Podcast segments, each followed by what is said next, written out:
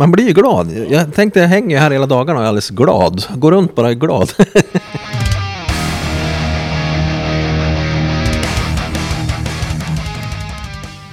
Den här veckan ska vi få lära känna en extremt intressant och eh, härlig person.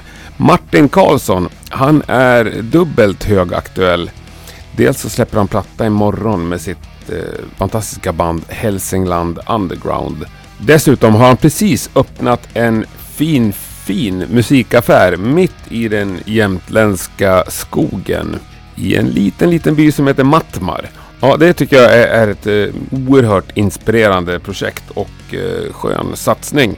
Vi kommer få höra både om musikaffären och om Hälsingland Underground och om plattan och om lite annat ditt och datt. Eh, mycket, mycket trevlig stund hade jag när jag var och besökte Martin. Hoppas ni också kommer gilla det här avsnittet, för nu börjar det. Du lyssnar på Rockpodden. Martin Karlsson är veckans gäst. Jag heter Henke Branneryd och jag önskar dig en god lyssning.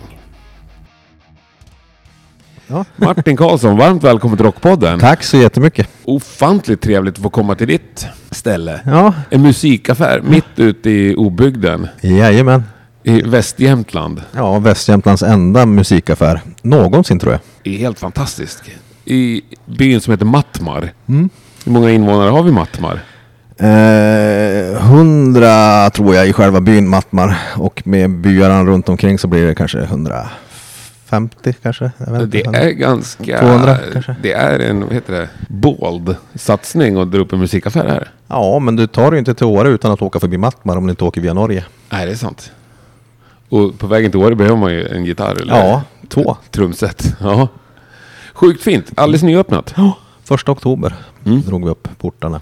Hade ni invigningsfest eller? Nej, vi tänkte det ska vi nog ha, men då blir det när trumrum och förstärkarrum och studio är klart. I alla fall trumrum och förstärkarrummet. Ja. För nu är det bara en del av butiken som är öppnat. Och när siktar ni på att det ska vara klart? Det vet jag inte faktiskt helt ärligt. Men eh, så, ja, du, ja, jag visar ju runt lite grann. Det är, ju, det är ju på gång men det lär nog ta kanske någon månad till i alla fall. Och i framtiden ska det också bli en spelningsstudio. Jajamän. Och då har vi även en gästlägenhet på övervåningen som man ska kunna bo i om man kommer långväga. Fan vad trevligt. En liten, just nu är det bara, tror jag, man ryms väl fem pers där. Mm. Den, men då får man sova tätt intill i en av sängarna. Men Det är eh, mysigt. du är ju också basist i Hälsingland Underground. Japp. Ett av mina favoritband. Ja, tack. Eh, Och ni är, har väl också en studio? Ja, i Skärsta utanför, eh, mellan Ljusdal och Järvsö. Mm. Jobbar med små byar. Ja, jo men det är så. Det är, Men den studion, hyr ni ut den eller är det bara ja, vi, vi hyr ut den, men just nu så vi, kan vi inte hyra ut den. Men, det, men det, vi, vi, vi hyr ut som replokal och vad man vill där liksom. Mm. Så. Eftersom vi är inte där jätteofta. Nej. Nej, för ni är ju ett utspritt band. Ja. Katrineholm i söder och Mattmar i norr. Ja, det är en bra spännvidd. Ja. Ja. Eh, Hinner ni repa något eller? ja, vi var nere i helgen. Ja. Då kör man ju hela helgen och så bor vissa av oss kvar i studion då. Mm. Så får man möjlighet att skriva musik tillsammans också. När man... Och nu släpper ni en ny platta. Ja. Imorgon blir det. Är det mo- När folk lyssnar på här. Ja. Coolt. Mm. Jajamän, det blir spännande. Platta nummer sex. Stämmer nog bra. Har du varit med från start? Det här borde jag veta. Ja, jag har Ja. varit med från start. Eller jag var inte första basisten egentligen, men jag tror första basisten var bara med två veckor. Det var när de precis startade upp det. Okej. Ja, det var inte så länge. Nej. Nej. Du är den stadiga basisten. Mm, precis. Men lirar ju piano också. Ja, och lite gitarr och lite trummor och Mm. lite... Det, är, ja, det är roligt att lära sig nya instrument. Man vill inte bara spela ett. För jag, min liksom, när Hälsingland Underground gick in i mitt hjärta. Det var ju med låten Criminal Summer. Ja, just det. Och det är ju din, din låt. Liksom. Ja. Ja, ja. Fast eh, utan Charlie hade det inte blivit så där bra tror jag. Han har något skalle för arrangemang där. Ja, Som, Men pianogrejerna är dina. ja, Ja. utom intro tror jag. Ja, men det mesta piano. Grundgrejerna och, och där, slutet är ju mina. Mm. Men du är basist i själ och hjärta. Ja, jag, blev, jag var inte basist från början utan det blev ju så här när jag flyttade till Stockholm 2001, 2002 där någonstans. Måste det varit 21? Ja, spelar väl ingen roll. Men då, då var det nog, då var jag nog bäst egentligen på Akigura. Det, var, det var det jag liksom spelade mest. Och, Mm. Men jag tänkte när jag flyttade ner att ska jag få spela mycket så måste jag välja ett instrument som man får spela mycket. Och då valde jag bas, för trummor är jag för dålig på. så då valde jag bas och sen så tror jag det var när jag började med Hälsingland Underground som jag kände att nu börjar jag bli basist på riktigt. Mm. Faktiskt runt där 2008, 27, 2007, 2008 där någonstans. Och det är ändå nästan i vuxen ålder så att säga. Ja, ja. för ja, jag började spela bas när jag var typ 17, 16-17 men, men då var det bara för att vi inte fick till tag i någon basist och då, nej men jag tar basen jag då. Så, och då var jag sångare också faktiskt i det bandet. Men Vad var det för band? Är det något som... nej, det finns ingenting, in, eller det finns väl några gamla demos här som jag har hemma på kassett. Eh, som var, men det var så här gymnasiet när jag gick. Så hade vi, det fanns en rivningshus i Järpen som hette Air Force. Som var så här musik som kommunen hade som vi fick vara i. Som där vi hade en studio, en Foster X8 kanalsrullbandare och så var det så här, ja, flera replokaler då och sånt där. Och där höll vi till. Så därför, det är därför vi har demos här, för vi tyckte det var nästan roligast att spela in. Mm. Här, leka med åtta kanaler. Så det, Nu är nästan slut, cirkeln sluten sen när du har studio här. ja. Ja, grannbyn. Ja. Ja men nu tycker jag, du är ju så här, basi- jag tycker du är precis som en basist ska vara också. På scen och sjukt stadig. ja, tack. Ja, och håller inte på att lira massa... I onödan? Nej. Nej, men vi har ju två gitarrister som gör det, så då tänker jag att jag Ja. kan väl hålla tillbaka lite. Det är svinbra. Men, lyssnar du på någon s- som basist själv liksom, som lirar för mycket? Kan du njuta av det också? Ja, ja, absolut. Men, det, men det är lättare i en- till exempel en trio att, att, eh, att en basist kan få leva ut ordentligt. Desto fler man är i bandet, desto mindre får man ju plats i ljudbilden och då får man ju anpassa sig. Som i, ja men, ja men, vi kan ta Rush som ett exempel, de är en trio. Han får ju leka på bra. Eller Motörhead, vad fan, Lemmy, han spelar ju nästan gitarr på basen. Jävla skön spelstil. Men det, nej, men annars har jag väl inget, jag gillar trummisar. Den kärleken delar vi ju. Men det är därför det är roligt att spela bas. Ja, exakt. Spela med trummisar. Ja. Jag brukar säga, jag gillar ju tjejer. Ja, Men jag vill ju inte vara en tjej, jag vill ju vara med en tjej. ja. Ja. Eh, men då när du valde bas, eller bestämde dig för bas, när Mm. du flyttade till Stockholm, lirade du med några mer folk då? Ja, då spelade jag ett band som heter Sideburn. Sideburn? Ja. Mm. Och eh, ett tributeband som heter också The Cover Band. Samma som fortfarande finns? Ja, Ja. fast det var ju, det var, grunden var ju jag, Marcus, Morgan. All- Allra först var det jag, vi, startade det när Morgan fyllde 31. Så då var det två gitarrister. Sen ville Marcus fortsätta och då tog han in sin brorsa. Ja just det, han var med från början också. Men sen så slutade han för han är flygpilot så han skulle flytta till Grekland eller vad fan det var.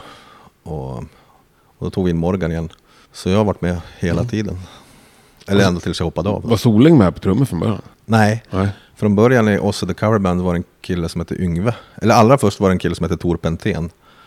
Som även spelade trummor i, i Sideburn då. Och sen blev det Yngve på trummor.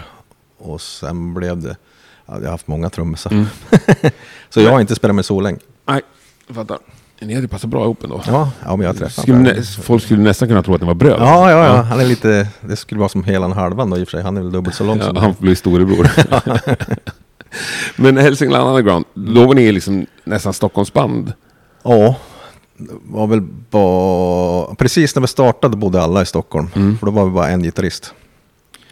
Eh, sen var ju ena gitarristen var från Katrineholm så han ville ha med Peter då som är gitarrist nu också. Så han, första gigget vi skulle göra så bara, fan vi måste ha två gitarrister. Så då kom Peter. Tjena, jag ska spela med er imorgon. Kanon. Och så lirade vi. Trevligt. Ja, det är ju svinbra. Eller ja, det är ju ni alla. Ja, det, det är roligt. Vi gillar att spela med varandra. Ja, jag tror det gör jäkligt mycket. När jag snackade med lite musiker i helgen och sa att jag skulle träffa dig. Och eh, alla var överens om att ni är så här som leker musik. Mm. Det är så jävla lekfullt och lättsamt.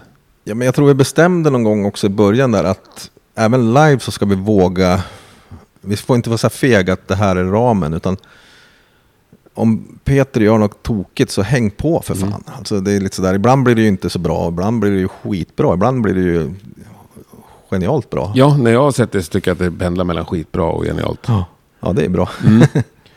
Och det, det är ju många som säger att det ska vara så live. Mm. Många band som har en ambition. Men sen så blir det i alla fall som på skiva eller vad man ska säga. Jo, och det är lätt hänt tror jag. Ja. För man är lite feg. Ja. Man måste vara lite friassig för att våga. Mm. nu är det ingen utav vi är gamla hårdrockare allihop, men det är ändå kul att få leka. Mm. Jag tror mycket är ju också att man har någon som styr de där jammen. Vi vet ju ungefär vart, vart vi jammar varje Mm. gång. det, blir, det är väldigt sällan. Men sen är det så när man har spelat live massa gånger och så lyssnar man på skivan eller ska ta in någon vikarie eller något sånt där. Så inser man ju fan, vi spelar inte alls som på skivan längre. Då har vi ändrat under, under årens lopp. Gradvis. Ja, Ja. Nej, men det tycker jag är underbart. Sen tycker jag det är skitkul med band som man kan se live två gånger ganska nära följd och att det är liksom två olika gig. Mm. Ja, det, Det känns värt att gå en tredje gång liksom. ja, Inte att nämna det där jag har sett nyss. och det är, alltså jag tänker så här, men på 70-talet, de här gamla, ja men Purple och Led Zeppelin och sånt, de gjorde vi aldrig samma konsert två gånger. Nej, Det är lite, varför, varför vågar inte folk vara så längre? jag vet inte. Man gillar ju att vara välrepeterad också. Ja, jo, jo, men det kan man ju vara ändå. Ja. Men desto mer välrepeterad du är, desto mer känner du de du lirar med också. Mm. Så då är det ju... Då vågar man. Det blir inte som sagt alltid bra, men för det mesta så blir det ju jävligt mycket roligare att lira också. Men hur ser bandet ut idag? Ni är utspridda över nästan hela Sverige. ja, Peter på gitarr som bor i Kattne. Mm. Eh, Och så är det Thomas på keyboard i, från, eller som bor i Järvsö. Och sen är det Johan på trummor som bor i Järvsö fast han är från Norrköping. Och så är det Jerry på gitarr som är från Offerdal här i Jämtland men bor i Järvsö. Och så är det Charlie Ljusdal och jag Mattmar. Mm. Men hur, hur, ser, hur ser ambitionsnivån ut nu för tiden? Ja, men det- vi har väl alltid haft ganska hö- hög ambitionsnivå, Mm. tänker jag. Alltså det är, För nu släpper ni en ny platta. Ja. Nu. Liksom, finns det redan... Vet du att det kommer komma en till skiva så att säga? ja, det vet jag. Ja. Eh, och det vet jag ju för att när vi repar då så blir det oftast att vi några kvar, bor kvar i vår studio där i Skärsta. Och eh, då gör vi ju låtar. Alltså det, då, när man ses, det, det blir en... Ja, det, blir, det är trevligt. Mm. så, och, jag, och jag tror att vi har ju några i bandet som inte kan låta bli att göra låtar hela tiden. Jag har inte varit så på länge. Jag slutade göra låtar runt 2008 tror jag, om jag ska vara ärlig. Vad, har vad jag hände också- då? jag vet inte. Jag tyckte att jag fick ut min kreativitet genom att spela bas med Hälsingland Underground Mm. tror jag faktiskt på riktigt. Och sitta och knåpa basgångar och leka. Och, så jag tror jag inte behövde sitta hemma på samma sätt som innan. Jag fick inte det behovet längre. Nej. Men som den där Criminal Summer som vi pratade om tidigare. Den, den är ju det är en gammal låt som jag gjorde i gymnasiet. Egentligen, grunden. Det är så jävla Som, coolt. som jag återanvände. Ja. Och så gjorde jag, Charlie satt och sket faktiskt. Och så satt jag och spelade piano in hos honom och så bara gjorde jag någon spontan grej. Och då kom det där... kom den grejen. Och Charlie skrek på skithuset att Åh, spela det där igen! Spela, fortsätt!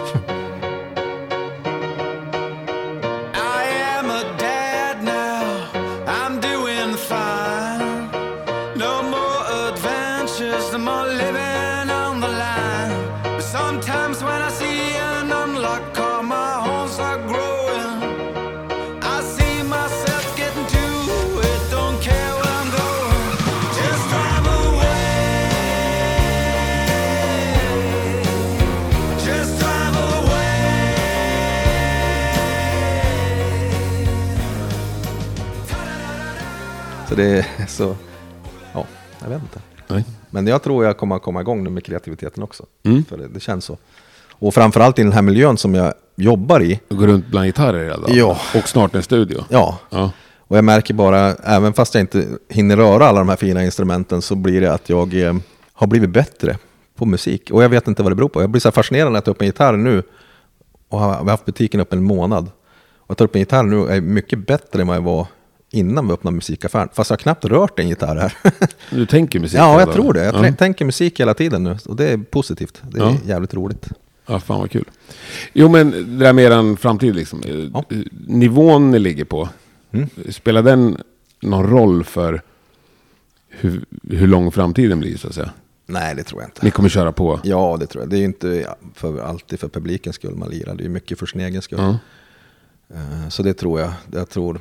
Sen vill man ju klart kanske komma upp ett, nå- något hack till liksom. Mm. Eh, För, att, ja, för att kunna tjäna lite, ja, men för att inte behöva jobba lika mycket. Mm. Nu har jag världens bästa jobb så jag kommer nog ändå jobba. Men Jo, men det är ju roligt att kunna åka till Spanien och komma hem med några kronor Ja. på fickan. ja, men precis. Mm. Men det är inte nödvändigt. Det är viktigt att få åka på till Spanien. Mm. För Spanien åker ni ofta till? Ja, ja. När kommer nästa Spanien-tripp? april April? ska vi dit, är det tänkt. Om ingenting händer. Det var ju två st- inställda nu, gig. eller två inställda turnéer i Spanien på grund av pandemin. Så, Mm. så nu april får vi väl hoppas att, det, att ingen tänker på det här längre. Nej. Har ni mer saker bokade i framtiden? Ja, vi har ju fjärde november där, där är det. Det är imorgon det. Är måndag. Mm. Då är vi ju, har vi ju releasefesten på Patricia. I, alltså båten i Stockholm? Ja, Ja. då kör vi från, jag tror vi, det är insläpp 20.00 och så spelar vi 20.30. Vi spelar rätt tidigt för att sen, det blir någon annan klubb efter 23.30. Okej. Sen alla som är där får ju vara kvar, liksom. Mm. det tänker ju vi vara. Men vi vill ju hinna träffa folk efter vi har lirat också. Mm. Så då kör vi ganska tidigt gig. Jag älskar ju tidiga gig. Ja, jag också. Ja. Jag Just. vet inte om det har med åldern att göra. Ja, men det kan vara så. Men det är också, det känns som att då går man på gig. Är det ett gig som är sent, då går man på krogen och så ser man ett gig. Mm. Det blir liksom, det är roligare att gå och se ett gig och sen gå på krogen än tvärtom. Håller helt med. Ja, så det, för då, då, då är man också i form för att verkligen se gigget. Ja. Så, det, så det blir kul. Men har ni ingenting mellan november och april bokat? N- Nej, inte, inte helt klart bokat. Men eh, det kommer. Mm. För jag träffade ju Charlie för, ja det är ett gäng år sedan nu. Eller var det när jag släppte förra plattan? Mm. Då var det mycket snack om, om eh, bokningsbolag som Mm. Ja, det, lurades och hittade på en massa. Ja, ja, ja, precis. Nu sköter vi bokningarna själv. Alla i hela... Nej, inte Spanien. Nej. Där har vi ju en kille som är helt fantastisk. José, han är, han är grym. Han är, han är på våran sida så att säga. och skittrevlig. Och lite väl snäll tror jag ibland kanske. Jag vet inte. Men han är bra. Ja, underbart. Men resten känner ni själva? Ja, här i, ja, i Sverige och, ja, Mm. och, och även om vi får andra gig så är det oftast själv. Men i övriga Europa då? Är ni ute och... Det har ju varit klent med det. Förut var vi mycket i Tyskland. Och det kan nog bli, eh, har viskat en fågel i mitt öra. Mm. Men det blir, får vi se hur det går. Mm. Det är, och så har vi varit i Frankrike en del också. Det vet jag inte hur det går just nu. Men, men vi har inte vi har inte lagt ner någon själ i det själv heller. Alltså så här, jobbat för det. Men vi, jag vet att innan pandemin så var det på gång även i Finland och sådär. Men, men det stoppades ju av på grund av det då. Så, så det kan nog bli. Ja, det är ju lite svårstartat nu tror jag. Många delar av Europa. Ja, ja men det blir ju lite det där att eh, nu ska alla spela. så jag tror det är ganska stor konkurrens. Ja, Tyskland verkar ju jävligt problematiskt. Ja, så det, är- det är ju det som är svårigheten tror jag. Mm. Eh, I Spanien har vi lirat så pass mycket så där tror jag ändå det är lugnt. Mm. Folk vet vilka vi är och sådär. Så det är jävligt skönt att turnera i Spanien också, det måste jag säga. Det är, Det är jävligt coolt att ha ett land också som man är lite Ja. halvstor i i alla fall. ja, Ja. och det, det är kul. Och spanjorerna är ju sköna. Man hade ju lite fördomar hade jag första turnén att det skulle vara för mycket manjana manjana. Men det Mm. tycker inte det är det riktigt. Alltså det, de är fan, det är, det fast de är lite mer avslappnade till det Mm. på något sätt. Men har ni vissa så här klubbar och ställen som ni återkommer till varje gång? Eller blir ni större och större så ni växer ur ställena? Eh, nej men det är, lite, vi har, det är lite olika. Vi har ju varit på två turnéer där va. Eh, och det har varit lite olika eh, ställen vi har lirat på. Så, men det är även några som har kommit tillbaka till också. Mm. Men, eh, och så lite festivaler och sånt där. Ja, fan ni körde ju Baskena. Ja, ett år, det var ju fantastiskt. Ja. Men jag njöt inte för jag var så nervös. Blir du nervös? ja, fruktansvärt innan gig. Jag Du som verkar så jävla cool. Ja, ja, men innan gig så tror jag alltid att jag ska dö av någon anledning. Jag får såna här jävla... Sen första halva låten så då brukar det försvunnit. Ja. Men det är att du tror att du ska dö, det är inte att du tror att du ska spela fel eller? Nej, men det kommer sig väl säkert av det. Utan, men det känns som jag ska dö. jag skickade något meddelande till min sambo en gång där jag hade skrivit, jag minns inte vad jag skrev, och då fick jag tillbaka bara, tror du att du ska dö? Frågetecken. Och jag bara, ja.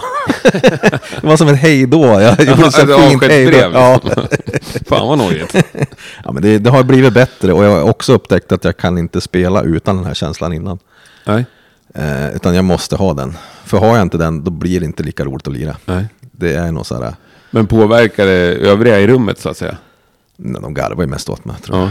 Ja. Och du, sen är du medveten om det själv? Ja, men jag går in i mig själv. Det är inte så att jag blir arg eller sådär, utan jag går väldigt in i mig själv och, och, och får så här ångestläten. Och, oh, ah.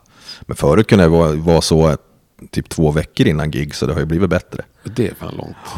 Fast nu inför Patricia nu så, här, så har jag ju haft det typ en vecka i alla fall. För att det, det, det är låtar som inte har spelat och live och sådär. Så Men sätter du och övar lite då eller hjälper det? jag borde ju göra det. Ja. ja, jag, mm, jo Ja. men det gör jag. Men inte i den mån jag borde göra det. Om jag säger så. Nej. Jag är inte så bra på att öva. Förlåt Charlie.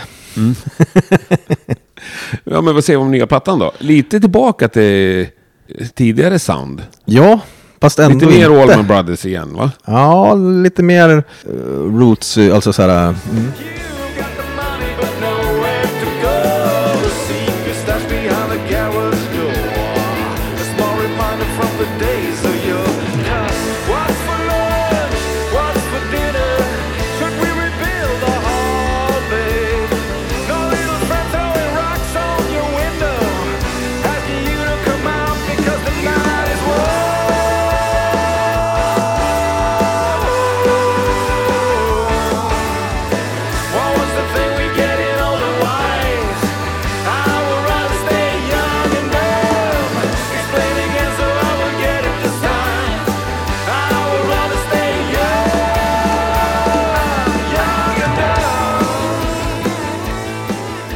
Ändå en ganska stor utveckling tycker jag. Eh, Mindre country kanske än första skivan, Mm. skulle jag säga. Ja, nej, men det är kul. Det är förbannat roligt låtar att lira. Mm. Vilken är allra roligast? Ehm, eh, jag vet inte. Men jag vet ju, det var någon låt som vi körde på repet då jag var tvungen att ställa mig upp och dansa och, och röja. Men du vet, jag har inte riktigt lärt mig titlarna på Nej, okej. skivan än. Du får messa mig sen efteråt. Ja. Så du kan klippa in det. Ja, ja, precis. Jag tror det är Red Number One faktiskt. Ja, vi kollar på det. Ja, men det är Red Number One. Red number one. Ja, Mm. den är grym att lira live. Men vadå, ställa dig upp? Du sitter alltså på det? Ja, men jag sitter ofta på repen. Fan, Är det- är det- man, man, man kör ju så här... Är det korser alltså? Sitta på repet? Ja, men det, det är ju så här, när vi repar så är det så intensivt så vi repar ju 12 timmar i sträck typ. Ja, det är i och för sig långt. Och Ja. då orkar man inte stå upp hela tiden. Nej. Eh, för det, det, nej. Så jag sitter ofta, det gör de andra också. Mm. Utom kanske när de ska spela något solo för att de måste nå bättre eller något sånt där. Men just Red Number One när vi körde den första gången på repet så fan, jag gick igång så in i helskotta. Och på den spelade jag med plektrum. Mm. Det gör jag inte så ofta och jag är inte så bra på det heller. Men du vet, man får en sån jävla skjuts i armen och när man står upp och så... Nej, det är, jag kommer ju troligtvis ramla omkull när jag spelar den. För den ja, nej, den är rolig. Mm. Fan vad roligt.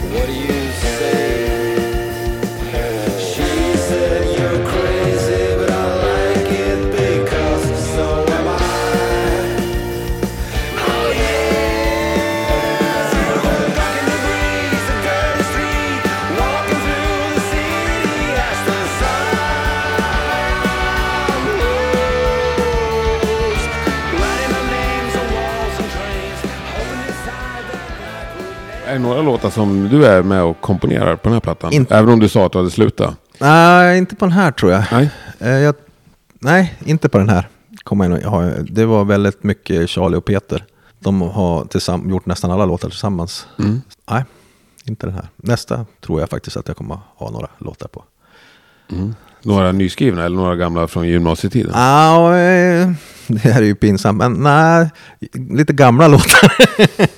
Som jag dammar av och så visar jag upp dem för Charlie och Peter på Mm. när klockan börjar bli två på natten. Och så, och så ja, får man se vad det blir då. Ja, men sen om kreativiteten flödar här så Ja, men det kan det väl komma saker. nya också. Ja, det tror jag. Ja, du har ju där bara en sån där bas med... Silikonsträngar, Ja, mm, de är ascoola. och det uppmuntrar ju liksom till...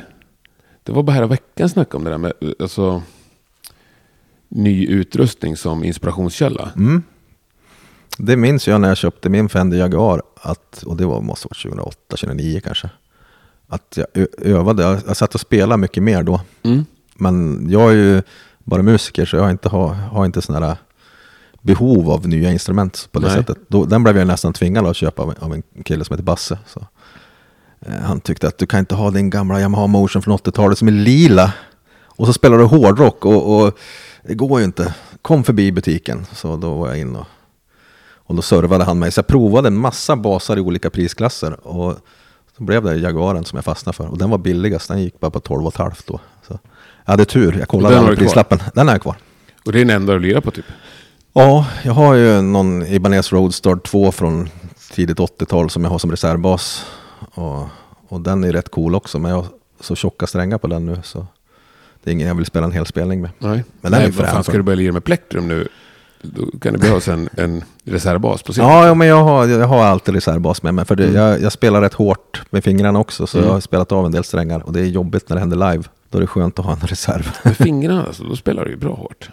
Ja, jag spelar skithårt. Ja. Alltså jag, jag, spelar, jag försöker, försöker träna på att inte spela hårt. Men jag, hade, jag har ju alltid problem med att mina fingrar är alldeles blodiga efter livekonserterna. Alltså och så här, jätteblåser. Så jag, när man var på turné så fick man ju tejpa eller limma eller På försöka. högerhanden dessutom. Här ja. ja.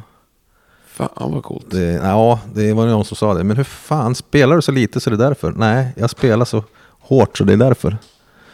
Så det... Så det så nej, så jag, men jag håller på att träna på att spela lösare helt enkelt. Ja. Så det, ja, spelar hårt och drar ner volymen lite bara. men drar jag ner... vol- Ja, men det, är det, jag tror det är därifrån det kommer också. Att jag i början alltid spelade så lågt på basen. Så att jag spelar hårdare istället. Mm.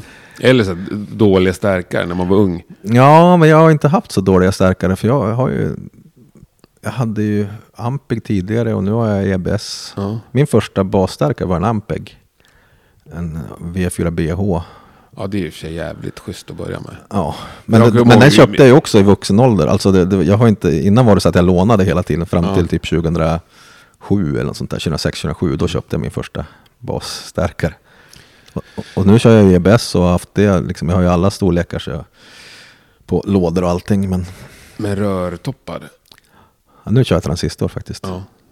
På grund av smidighet eller på grund av sound? Eh, nej, alltså den, jag tycker deras stärkare har ju den här karaktärsknappen. Alltså Mm. jag minns jag lånade ut den till en, en engelsk basist en gång när vi spelade i Västerås. Och han trodde det var en rörtopp när han lirade. Mm. Nej, det är en transistor så. Han bara va? så det, menar, det, det är ju samma, ja men det är samma de har på Swinrocks. Har ju, kör ju samma, Mm. som, likadana riggar som jag har. Fast jag kör inte den stora lådan. Jag kör den där 212 brukar jag oftast använda. Sån. Och det är ju smidigt. Ja, sen har jag en 410 och en... Nej, det där är en 210 är det, precis. Jag har en 212 och en 410 och en 112 också hemma. Men, Så kan du blanda och ge. ja, men jag spelar ju alltid bara på 210. Jag tycker den låter fantastisk. Och den funkar på stora scener och små. Ja. Den, och lättsamt att bära. Det är ju lite det också faktiskt.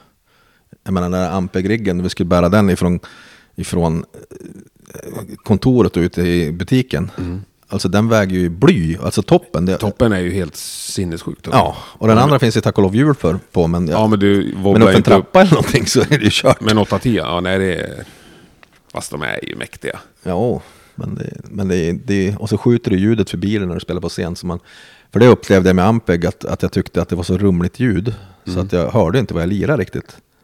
Eh, Medan EBS hade ett mer klart ljud, så det var lättare. Alltså jag hörde mycket bättre vad jag lirade. Jag behövde inte spela alls lika högt liksom. Nej. Det är skönt. Men har du spons på EBS eller? Nej, inte nu. Jag har haft B-spons. Ja. Men nu har jag inte det. Tror jag inte i alla fall. Jag har inte pratat med den på länge. Nu när du har musikaffär också kan du köpa in liksom... ja, ja, precis. Ja. Men jag har ju redan det jag behöver. Så det... Jo, men det väl säljas det där? Ja, i och för sig, du, Men, du, ja, jag har mina egna grejer. Du har dina egna Ja, det är bara det att jag köpte in exakt ungefär det, ungefär det jag själv har köpt till butiken för jag kan grejerna. Ja, men det är ju skitbra det. ja. Så du kan, du slipper stå och ljuga för folk. Ja, nej men det är lite sådär. Alltså, de där vet jag hur de funkar och jag vet, det vet man ju med Ampegog, det är bara att ställa allting rakt upp så låter det bra. Men, eh, men jag ville ha en liten fin EBS. Du sa att ni är gamla hårdrockare allihopa. Ja. Var härstammar du ifrån? Vilken del av hårdrocken? Det beror ju ofta på lite när man är född. Jag är född 75, Ja. så då är det ju liksom, man började med Kiss såklart. Det tror jag många gjorde. Mm. Men jag gick fort över på, alltså det här är konstigt, men när jag var typ åtta år, så nio där, så slutade jag nästan lyssna på hårdrock. Då lyssnade jag på Bob Dylan och Bob Marley. Det är tidigt. Så det var Bob Dylan och Bob Marley och Bad Company var mina stora idoler då. Okej. Tills jag började högstadiet. Och då blev det mer Whitesnake och sånt där igen. Och jag tror det var mycket för att kompisarna lyssnade på det. Ja. Men så började Rush också då i högstadiet. Eh, ja, men typ när jag var strax innan, när jag var 12-13 där. B- Gick jag över på Rush. Sen började man gymnasiet, då öppnades en helt ny värld. Då blev det så här King Crimson, Jethro Tull, alltså det här eh, Mycket progg. ja, progressiva och sådär med Kong Delta och ja, men du vet så här, allt. Mm. Och sen vet jag inte, sen slutade jag lyssna på musik kändes det som. Eh, En lång period. Idag väl vet jag inte, jag lyssnar på idag. Allt möjligt. Det var, det var en kille som var inne här i butiken och frågade, men spelar du metal? För vi ska bli en basist. Jag bara, nej jag är inte så inne på metal. Och sen insåg jag fan, ja fast jag lyssnar rätt mycket på Meshuggah och med Kong Delta händer det ibland fortfarande. Jag drar på liksom. Så, så ja men jag är väl väldigt blandad. Mm. Så jag kommer från trubadurhållet egentligen, skulle jag säga. Från åtta års ålder och, och reggae. Så. Men du har aldrig lirat reggae? Nej, inte mer än att det blir ibland när vi jammar med Hälsingland att vi spelar reggae. Du som basist måste det vara jävligt kul. ja, men jag kom på, vi hade ju ett reggaeband i Östersund på början av 2000-talet. Men då spelade jag gitarr och sjöng. Okej. Eh, Men sen flyttade alla för de kom in på olika universitet och sånt där. Så det blev som aldrig någonting av det. Så det blev bara några rep. Så det var nära, det kunde ha blivit reggae. Mm. Ja, men, jag tänker som basist, om man gillar reggae måste det Mm. vara svinkul. Ja, det tror jag. Det tror jag. Men det, jag är inte så... Reggae-basister ska ju vara så bakåtlutade som de nästan ramlar omkull. Mm. Och jag är inte så bakåtlutad, jag är lite, nästan lite framåt. Ja. Är du det? jag är en driven basist skulle jag säga. Ja. Ja. Du behöver en trummis som är lite bakåtlutad. men lite sådär. Jag kan vara bakåt också, men jag tycker det är, det måste, det är svårt att spela så. Reggae-basister, i alla fall de moderna, de spelar ju nästan efter alla andra på något sätt. Har du någon favorit reggae-basist? Nej, Nej. jag kan inte ens namnet på en. Har du någon artist då? Eller lyssnar du någon? Nej, du Det var bara Bob Marley jag lyssnade på när jag var yngre. Ja. Det, och det är fortfarande mest bara Bob Marley faktiskt. Ja, han lite är lite Peter Tosh och... halva, minst, genren reggae är väl Bob Marley. Ja. Man, man är lite ja, för lat för att leta rätt på någon ny. Ja. Ja, P. Danielsa här uppe från Jämtland är ju fantastiskt bra också. Vad heter de? P. Danielsa.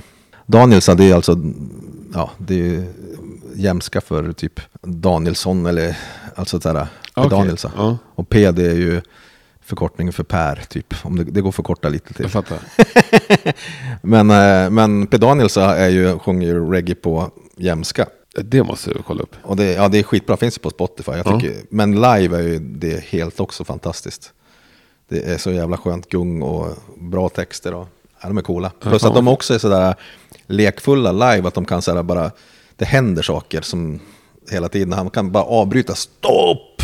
Och så får alla bara sluta spela. Så bara, sen börjar han, alla ska vara med. Han är lite sådär, han styr Fan, bandet Nej, jag, måste, ju- jag, jag försöker ju komma in mig i Jämtlands musikliv, men nu Mm. måste jag börja leta mer. P. Daniels har spelat mycket i Stockholm, han var alltid fullsatt. Okej. Och i Uppsala. Och, men det är klart, man ska väl vara inne på reggae kanske. Ja, det har jag aldrig varit. Nej. Eh, Nej, aldrig sökt upp.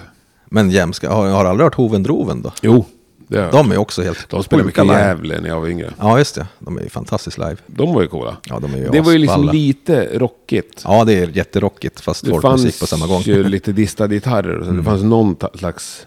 Ja, bra, bra musiker och det är lite, lite hårdrock i folkmusiktappning.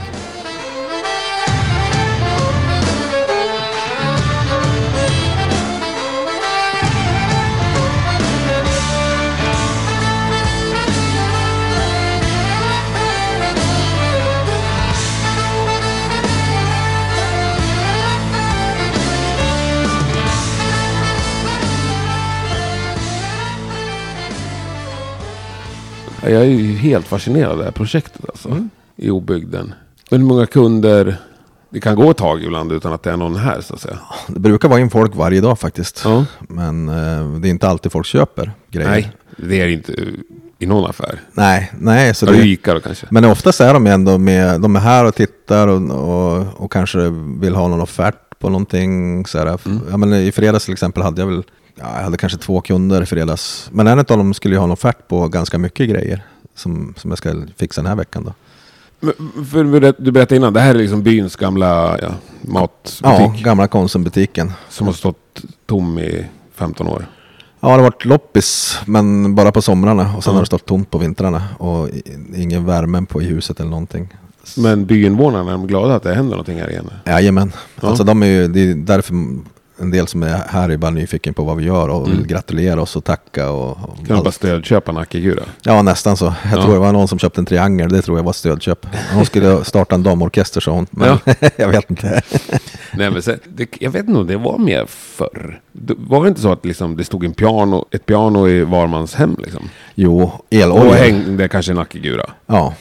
Jo, men elorgel också. Ja. De här elorgeln, jag frågade någon, för alla hade elorglar här uppe. Jag tänkte man var en jäkligt bra försäljare som gick runt och sålde. Mm. Men tydligen var det någon då på, ja men på den hade, tiden hade man inte så mycket kanaler. Och just elorglar var det någon bra på Godmorgon Sverige, någon unge som spelade. Och då ville alla ha en elorgel. Liksom. Okej. Ja, för nu finns det ju väldigt många hem där det inte finns ett enda instrument. Liksom. Ja, men jag tror ju musiken, att det, det har blivit något annat idag som är det musiken var förr. Och samtidigt, du, du, jag tänker att alla som spelar musik har hört av sådana som inte spelat. Gud vad jag önskar att jag kunde spela ett instrument. Mm. Alltså jag, jag har hört det flera tusen gånger Ja. och det har du med. Och Ja. de flesta som lyssnar. Ja, ja, det är väldigt vanligt. Det är så konstigt att inte... Nej, men folk lägger tid på annat. Jag tror folk har blivit i allmänhet latare. Det här är bara en snabb teori som jag kom på nu. Ja men kör den. Men eh, jag tror att, för, för jag har haft en teori förut, jag, har ju försökt att vara gitarrlärare åt folk som säger så. Men de vill ju inte lära sig spela ett instrument, de vill ju redan kunna det. De tror ju att jag ska sådär, kunna hälla magiskt stoft över dem och så kan de helt plötsligt. De förstår inte att det krävs de här 10 000 timmarna. Jo, fast liksom Akigura. Ja, Är det 100 timmar? ja då kan man ju spela hjälpligt. Så tar du åtta ackord och Ja. bara, ja men jag ska kunna de här. Det räcker med att du kan tre ackord på Akigura så Ja, kommer typ. du jättelångt. Ja, det kan du lära dig på 100 timmar. Du Ja, kan ja. spela sjukt mycket låtar. Ja, men jag tror inte folk ens lägger det. Nej. Jag märkte det då när jag skulle försöka ge gitarrlektioner att det var, de ville ju redan kunna. De hade ingen lust att jag skulle lära dem. Alltså så här, här, jag ger en fem minuters lektion och sen får du en vecka på dig att Mm. träna på dem. Och nästa gång jag kom dit så hade de inte rört gitarren. Nej. De har ju andra intressen antagligen som, som, som de lägger tiden på och tycker bara att det är jobbigt egentligen. För de vill redan kunna bara. Det är därför det är så underbart att se. Jag hade ju spelat i min lada här i helgen. Mm. Några 17 och 18-åringar som heter Alligator Mm. från Stockholm. Som liksom redan har hunnit med ett par tusen timmar i alla fall var. Så svinbra. Och jag hoppas ju att en sån här musikaffär kan föda nya musiker genom att ungar kommer in här och kikar och drömmer. Och, för jag vet redan nu var det en kille, han var i och för sig i min ålder, som var in här och tittade på grejerna. Han ville se hur vi har fått till affären. Mm. Bara titta på grejerna. Bara, ja, men jag har ju en sån där äh, Les Paul-kopia hemma. Ja, jag har någon förstärkare, men den låter ju inte så bra. Men jag, jag har inte rört det på flera år. Så. Kom han tillbaka någon dag senare. Ja, men mm, ja, tog han upp en gitarr och började klinka lite grann. Och sen, tre dagar senare så var han här igen. Och till slut så bara, nej men jag ska ha den där gitarrförstärkaren. Då har han börjat lira igen. För Mm. att det har liksom fått, att han kom ihåg liksom hur kul han tyckte det var när han lirade. Hur gammal var han då? Han är ju som mig, 46. Mm. Eller 47, han är ett år äldre. Ja, det är fan underbart ju. Så jag tror att det kan föda, plus att det är en del ungar inne här och jag, jag uppmuntrar dem att testa grejerna. Jag säger så här, ja men eh, tvätta händerna brukar jag alltid säga. Mm.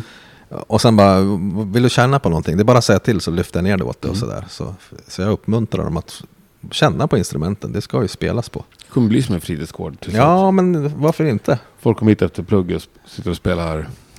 Ja, Men, eh, Monster of Puppets har väl blivit stor igen va? Ja, det kanske nog. Ja, det hörde jag av en kompis som jobbar på Deluxe. Mm. Där är det mycket Monster of Puppets nu. Ja, det kan jag tänka mig. Ja, Det är väl någon tv-serie? Inte Stranger ja Things, men tror jag. precis, ja precis. Då Trigilios son spelar solot på den. Gör han? Ja, det är han som spelar den solot på inspelningen. Han är, är, det en nyinspelning eller vadå? Ja, men på Stranger Thing. Ja. d- Då är det ju inte... Det är ju inte Metallica. Nej, jag, jag har aldrig sett Nej, jag har hört bara, jag har inte sett Ja, det heller. okej, men det, är ju de, det är ju de ungarna som spelar då. Okej. Men då är det Trigilios son som har lagt gitarrsolot Okej, på den för att det ska ändå inte låta exakt som Metallica. Liksom. ja, vad coolt.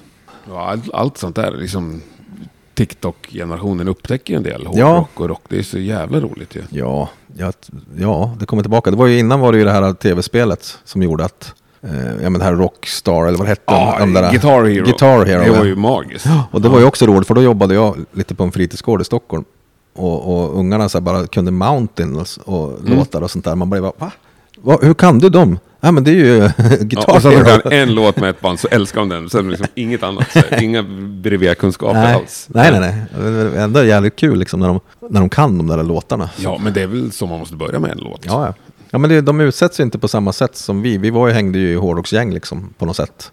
Och någon presenterade, och det känns som att idag är Ja, det fanns radio och tv-program. Och, Ja, och liksom, jo men idag finns det så mycket så det är svårt att hitta sin grej. ja, verkligen. Och liksom, säger hårdrock och egentligen rock också är ju marginaliserad Ja. kulturyttring. Ja. Det, Finns på några konstiga festivaler liksom, dit gubbar åker. ja. Om man hårdrar det. Ja, ja, ja. Och så tar de förhoppningsvis med sina barn. Liksom. Ja. För jag tror att de som, jag tror ändå att det kan bli en ny generation som gillar att spela och sånt. Jag hoppas det. Och jag tror att en sån här musikaffär är viktig i en sån. Det är därför det är så synd att det inte att de har försvunnit allihop. Mm. Så vi hoppas på att det här funkar och att folk fattar grejen med att, att gå in i en butik. Ja, jag blir ju helt lycklig. Ja, man blir ju glad. Ja. Jag tänkte jag hänger här hela dagarna och är alldeles glad. Går runt Ja. bara glad.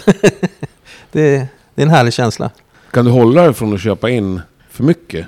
Eh, Hit till butiken? Ja, för jag skulle bli så här, en sån vill jag ha, en sån vill jag ha. Ja, men det, ja, det går ganska bra hoppas jag. Det är, ehm, det är ju svårt, men vi har ju till exempel inte tagit in mycket trummor för att vi ska bygga det här trumrummet som vi håller på med. Mm. Så har vi bara tagit in lite grann för display. Men vi har inte, så vi har inte cymbaler och trummor så mycket. Vi har, har ett begagnat trumset och ett nytt. Och, och, och sådär, så vi kan ju sälja det tar de ju grejerna. jävla plats med trummor. Va? Ja, det gör ju det. Och- 20 trumset liksom. Ja, och det kommer vi aldrig ha heller. Nej. Vi kommer väl ha, lite som jag sa in, innan vi började spela in här, att mm, vi har ett dyrt och ett billigt. Liksom. Man får tänka Mm. Men hur så. har ni bestämt liksom vilket sortiment ni ska ha? Vi har ju utgått ifrån vad man själv kan tänka sig att lira på. Mm. Alltså det är så. Och nu, Vidar är ju ljudtekniker i grunden, så det är han som Det bestämmer. en kompanjon. Ja, precis. Han är ju ljudtekniker, så han har ju valt in det han vill ha. Alltså det han tycker att det här är prisvärt. Mm. Det här är det dyrare alternativet. Så det, även där har vi billigt och dyrt. Och sen kanske jag har valt ut för ja, sådana här klaviaturer, då, midi-klaviaturer, så har jag valt ut den, där tror jag är, funkar för alla liksom. Ja. För det kan man inte ha jättemånga utav. Så vi har valt, ja, men vi har valt lite, lite godbitar från billigt till dyrt. Och gitarrmärken nästan bara Ibanez och Epiphone. Ja, det är huvudmärkena på nya grejer.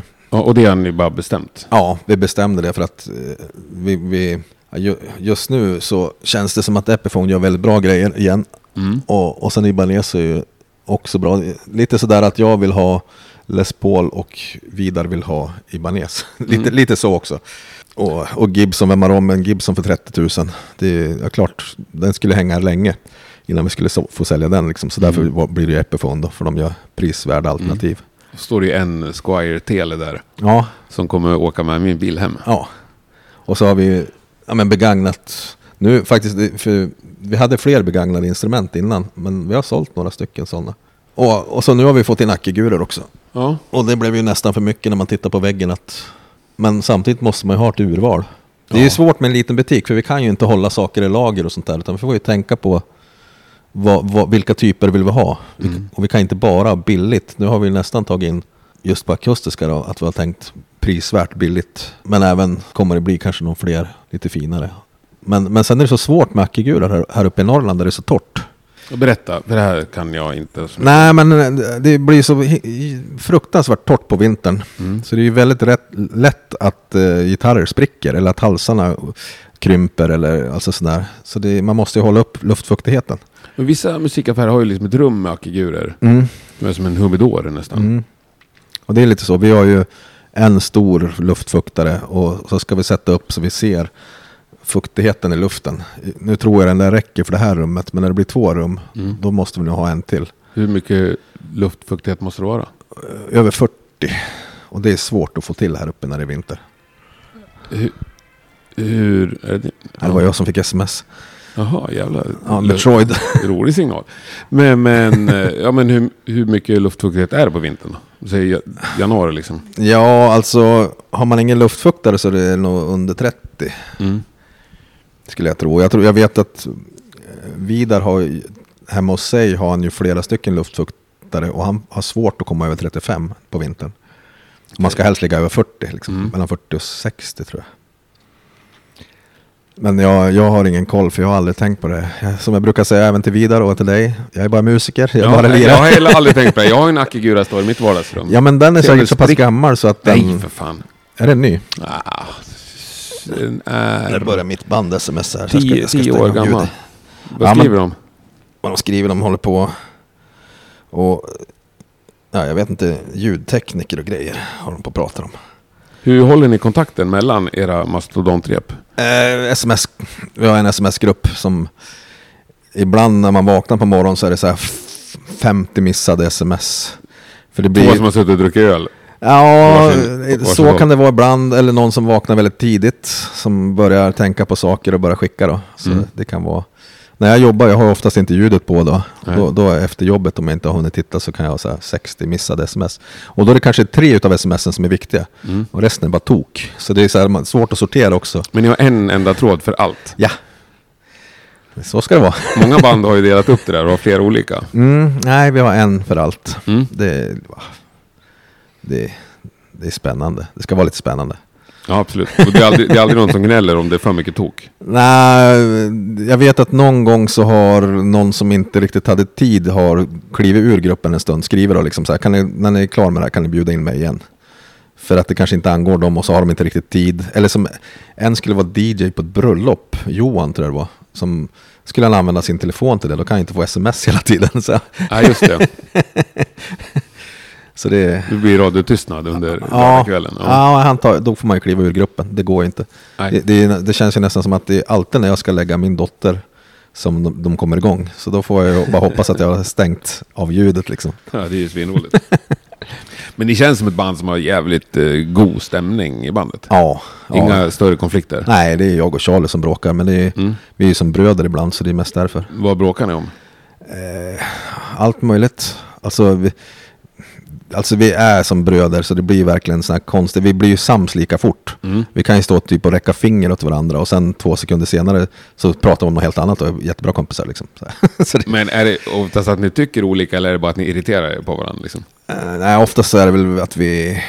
eh, nej, jag vet inte. Där, jag, jag tror ibland så triggar han mig för att retas lite grann. För att jag är så jävla lätt triggad. Och jag är så snäll och glad jämt. Men han triggar mig, då går jag igång. så jag tror lite sådär... Lite retsticka i Charlie som inte kan låta bli ibland och trigga mig. det är svinkul. Så. Och du vet själv också vad du blir triggad av. Ja, ja, ja. ja. Och Och, går jag på det. går på det varje gång. Det är Ja. det som är det roliga. Jag, Det är väl som en bröder. Alltså, det spelar ingen roll. Jag vet att du gör det här bara för jävla så Ja. jag kan inte... jag kan ändå inte låta bli att bli förbannad. Nej, för fan vad kul. Nej, jag är lätt triggad. Men bara, jag blir ju aldrig arg. Det är många som säger det, de har aldrig sett mig arg. Nej, men det är för att de inte vet hur de ska få mig arg. Charlie Mm. vet ju precis, han, han kan ju bara säga något ord han så, och så tittar han på mig och jag bara, jag ser att du jävlas med mig, men jag kan inte låta bli, jag går igång. Det är svinkul. Ja. ja, men vi har det är det är nästan halva grejen. Är, vi älskar att lira med varandra och vi älskar att hänga. Mm. Det, alltså det är det är ju verkligen så. Men det är väl inte så det måste vara lite på eh, äldre dagar eller på att säga. Nej men alltså. Jo, det skulle inte gå annars. Man, man, när man var yngre då, då kunde man ju bara få spela i band och då var man ju beredd på att, på, alltså då trodde man nästan att det skulle vara konflikter hela tiden. Mm. Nu har jag varit ganska, har det varit ganska lugnt i mina band, men jag har ju hört andra band liksom som det. Men, eh, men vi har sällan konflikter. Sen är det ju, man får ju ge och ta också. Jag menar, man tycker inte alltid lika. Men om det är så att tre i bandet tycker en sak och jag inte håller med, ja men då får jag vika med. Det är bara så. Ja ni kör, då är det majoriteten som Ja, gäller. Vissa band kör ju att alla ska vara med, annars skiter de det. Nej, men det gör inte vi. Alltså det, det skulle inte gå. Vi är sex stycken. Så det... men, och sen har vi ju det här att vi är alltid beredda att testa. Mm. Alltså om någon säger men jag vill att det ska vara så här på den här låten. Ja, men vi testar det då. Och blev det bra? Blev det, oj, fan det blev ju bra. Eller, eller så blir det ja, fast nej. Sen kanske man tycker så, men då har man ändå blivit nedröstad och testat det. Så, Mm. det, så det Vill inte att man testar helhjärtat också. Ja, men det måste man göra. Ja. Det ska testas helhjärtat. Och ibland har vi testat flera gånger och bara, nej men det går inte, vi får inte till det liksom. Det, Och sådana idéer som vi har varit inne på kan ju också leva vidare. ja, ja. Så du kan det. ju plocka upp en grej 20 år senare. Ja, ja, så är det ju faktiskt. Får till liv liksom. Nej, men det var ju någon låt på, var det Understanding Gravity? Som, jag undrar om den inte kom med på skivan också, där vi testade den i fem, sex olika versioner. Innan det blev typ bara akustiskt. men vi körde den i, den finns inspelad på iPhone i jag menar så här Hendrix version, Jimi Hendrix style, eh, Bob Dylan style. Alltså vi testade alla möjliga liksom så där, för, att, för att kolla vad blev faktiskt bäst. Och hur kommer det bli live då? Den spelar vi inte live, för den blev ju akustisk på skiva. Ni, kom, ni kommer aldrig spela den live? Jag tror inte det. Nej, Jag tror, jag tror vi gjort det någon gång. Vi har gjort några så akustiska gig någon gång. Ja. Och då har vi nog kört den.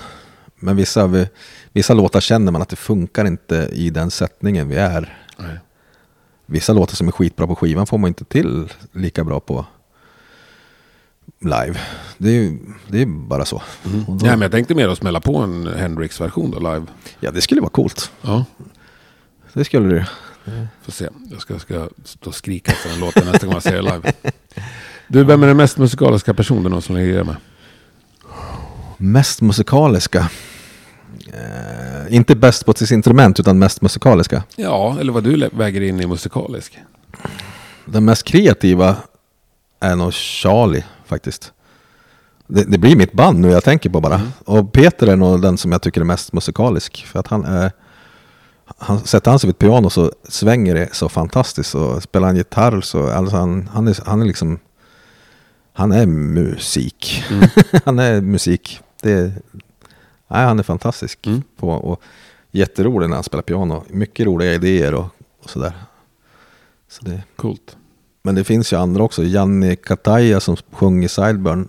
Eh, han var ju också otroligt musikalisk och gjorde väldigt mycket saker som inte vi spelade i bandet. Men som han gjorde åt sig själv. Liksom, sådär. Och lirade i många band. Spelade ju Mangrove och, och ja, ja, han spelar massa band. Mm. Och sådär. Sveriges mest underskattade band? Sveriges mest underskattade band. Um, nej, jag kan inte komma på något. Nej, Går, pass. ko- går att kolla på någon band? väldigt lite. Ja. pinsamt lite. Det är som jag sa till någon någon gång att jag lyssnar inte på musik själv. Jag lirar ju musik. det är mycket roligare. Ja. ja. Fast jag har börjat lyssna på musik igen. Mm. Faktiskt lite grann. Jag ska bjuda in dig nästa gång jag har musik hemma hos mig. Mm. Kommer jag sitta utanför och dricka vin? Ja, så får bli. Nej då. Höra lite på Nej då. bas. Jag tycker det är kul att lyssna på musik också. Det är bara att det blir...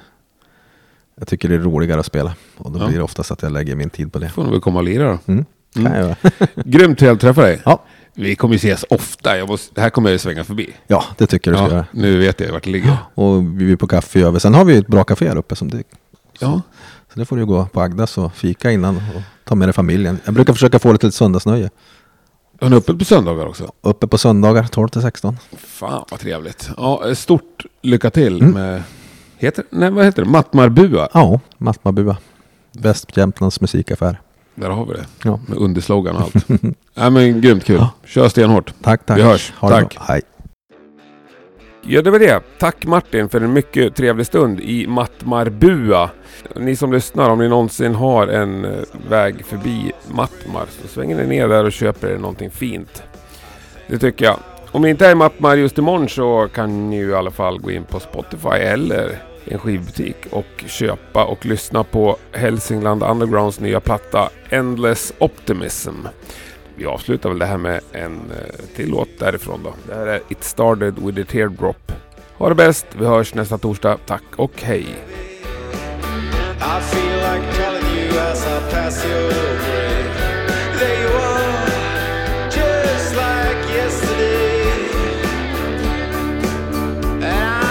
struggling